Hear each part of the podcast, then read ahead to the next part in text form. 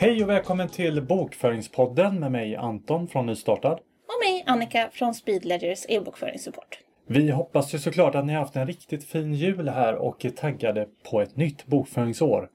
Idag ska vi prata lite om vad som är nytt för just 2018 och vad man behöver tänka på i bokföringen när man startar ett nytt räkenskapsår. I vårt förra avsnitt av podden så pratade vi om vad man ska tänka på vid årsskiftet. Om du inte lyssnat på det avsnittet så tycker jag att ja, lyssna på det först och sen återkom. Och om du inte har avgett något nyårslöfte ännu, så varför inte låta det här vara året som du verkligen tar tag i din bokföring och bokför i tid? Det är ju en jättebra investering både för dig och för ditt företag. Ja men precis, jag känner lite så att nu ska jag mm, verkligen ta tag i det här och göra min bokföring i tid. Och inte hålla på att skjuta upp allting till sista sekund hela tiden. Är inte det en ganska bra idé eller? Jag tycker det är en jättebra idé. Jag tror Ja. inte du är ensam med det. Eh, som alla andra nyårslöften så hoppas jag bara att den här håller längre än till januari. Japp. Men det vi ska ta och börja med, eh, det är lite nyheter när det gäller just lagar och regler för i år. Och är det så att du har ett handelsbolag eller ett aktiebolag och funderar på att anställa din första anställda och det inte är just dig själv eller någon närstående till dig eh, så finns det en jättefin möjlighet att göra det nu. Och det handlar om att man har subventionerat de sociala avgifterna så de blir lägre för den första anställda.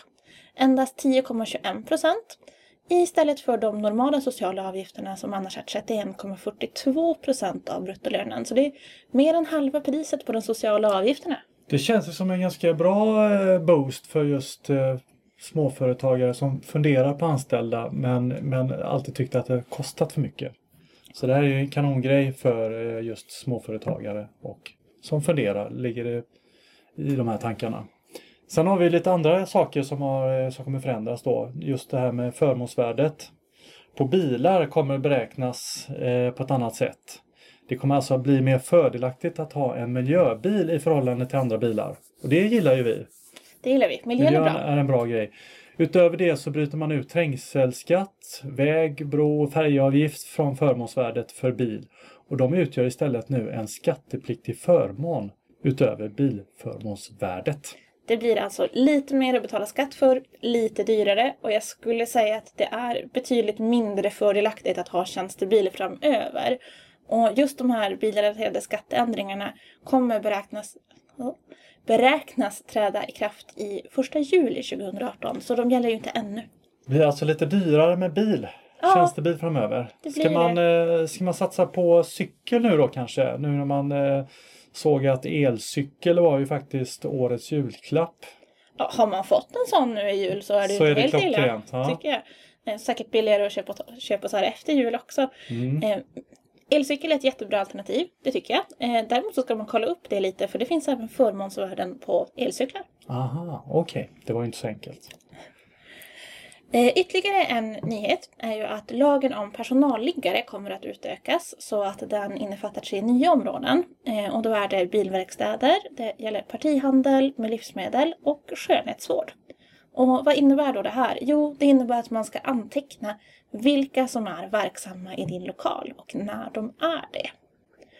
Och är det så att ni vill läsa mer om just lagen om personalliggare eller andra lagar och regler så finns det gott om läsning inne på Skatteverket att grotta ner sig i. Och vi kommer såklart lägga ut länkar och sånt här eh, som, som ni kan gå in på eh, i, i samband med det här poddavsnittet så kan ni ju läsa mer.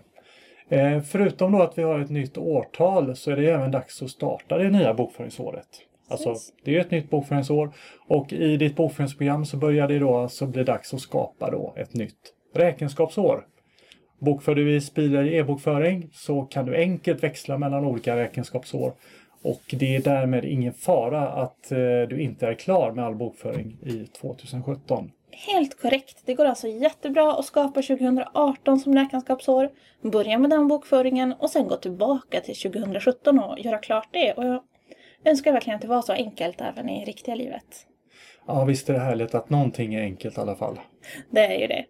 Och när du sen skapat det här räkenskapsåret så börjar ditt bokföringsår om. Eh, det betyder däremot inte att all din bokföring är nere på noll igen. Utan dina tillgångar och dina skulder från föregående år, de hänger med och kommer över som ingående balanser. Och det här kan du se i din balansrapport. Att det där finns ingående värden, även om kolumnen för detta år kanske fortfarande är tom. Precis, alltså eh, det man har på bankkontot och allt sånt där, det, det hänger ju med såklart. Däremot så börjar ju resultatrapporten om på noll eftersom dina intäkter och kostnader börjar om och det är nytt år. Eh, dina verifikationsnummer börjar också om från 1. Precis, så det är en ny pärm. Passa på att köpa en sån. Eh, man skulle ju också kunna tro att de här fakturanumren också börjar om från början. Men normalt sett så gör de inte det. Och det har att göra med att fakturorna som man skapar ska följa en obruten serie. Oavsett om det är ett nytt år eller inte. Så de kommer bara räknas upp en siffra.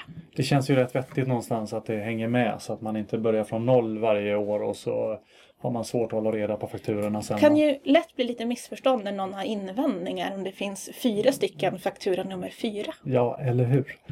När du nu ska börja bokföra dina första poster i det nya året så är det lite olika beroende på vad du har för bokföringsmetod. Bokför du enligt faktureringsmetoden så behöver du inte tänka på någonting särskilt utan fortsätta att bokföra precis som vanligt.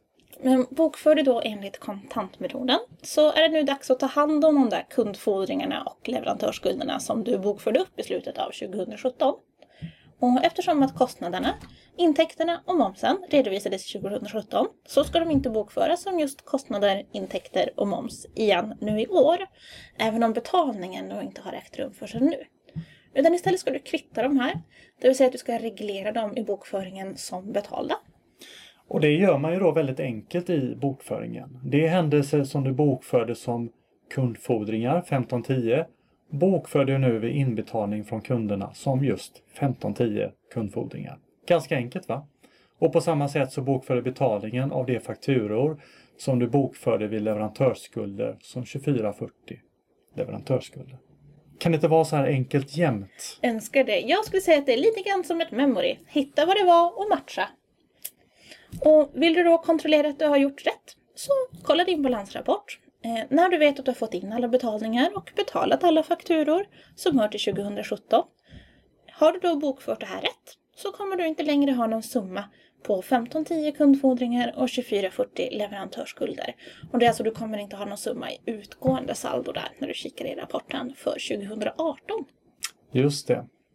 Ja, det var lite om det nya bokföringsåret och vad man ska tänka på.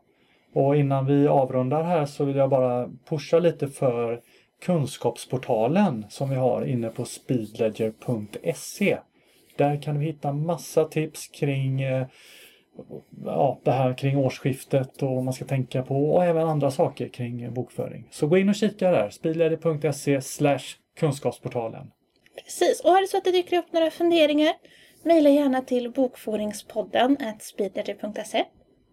Japp, och med de orden så vill vi önska er en trevlig bokföring.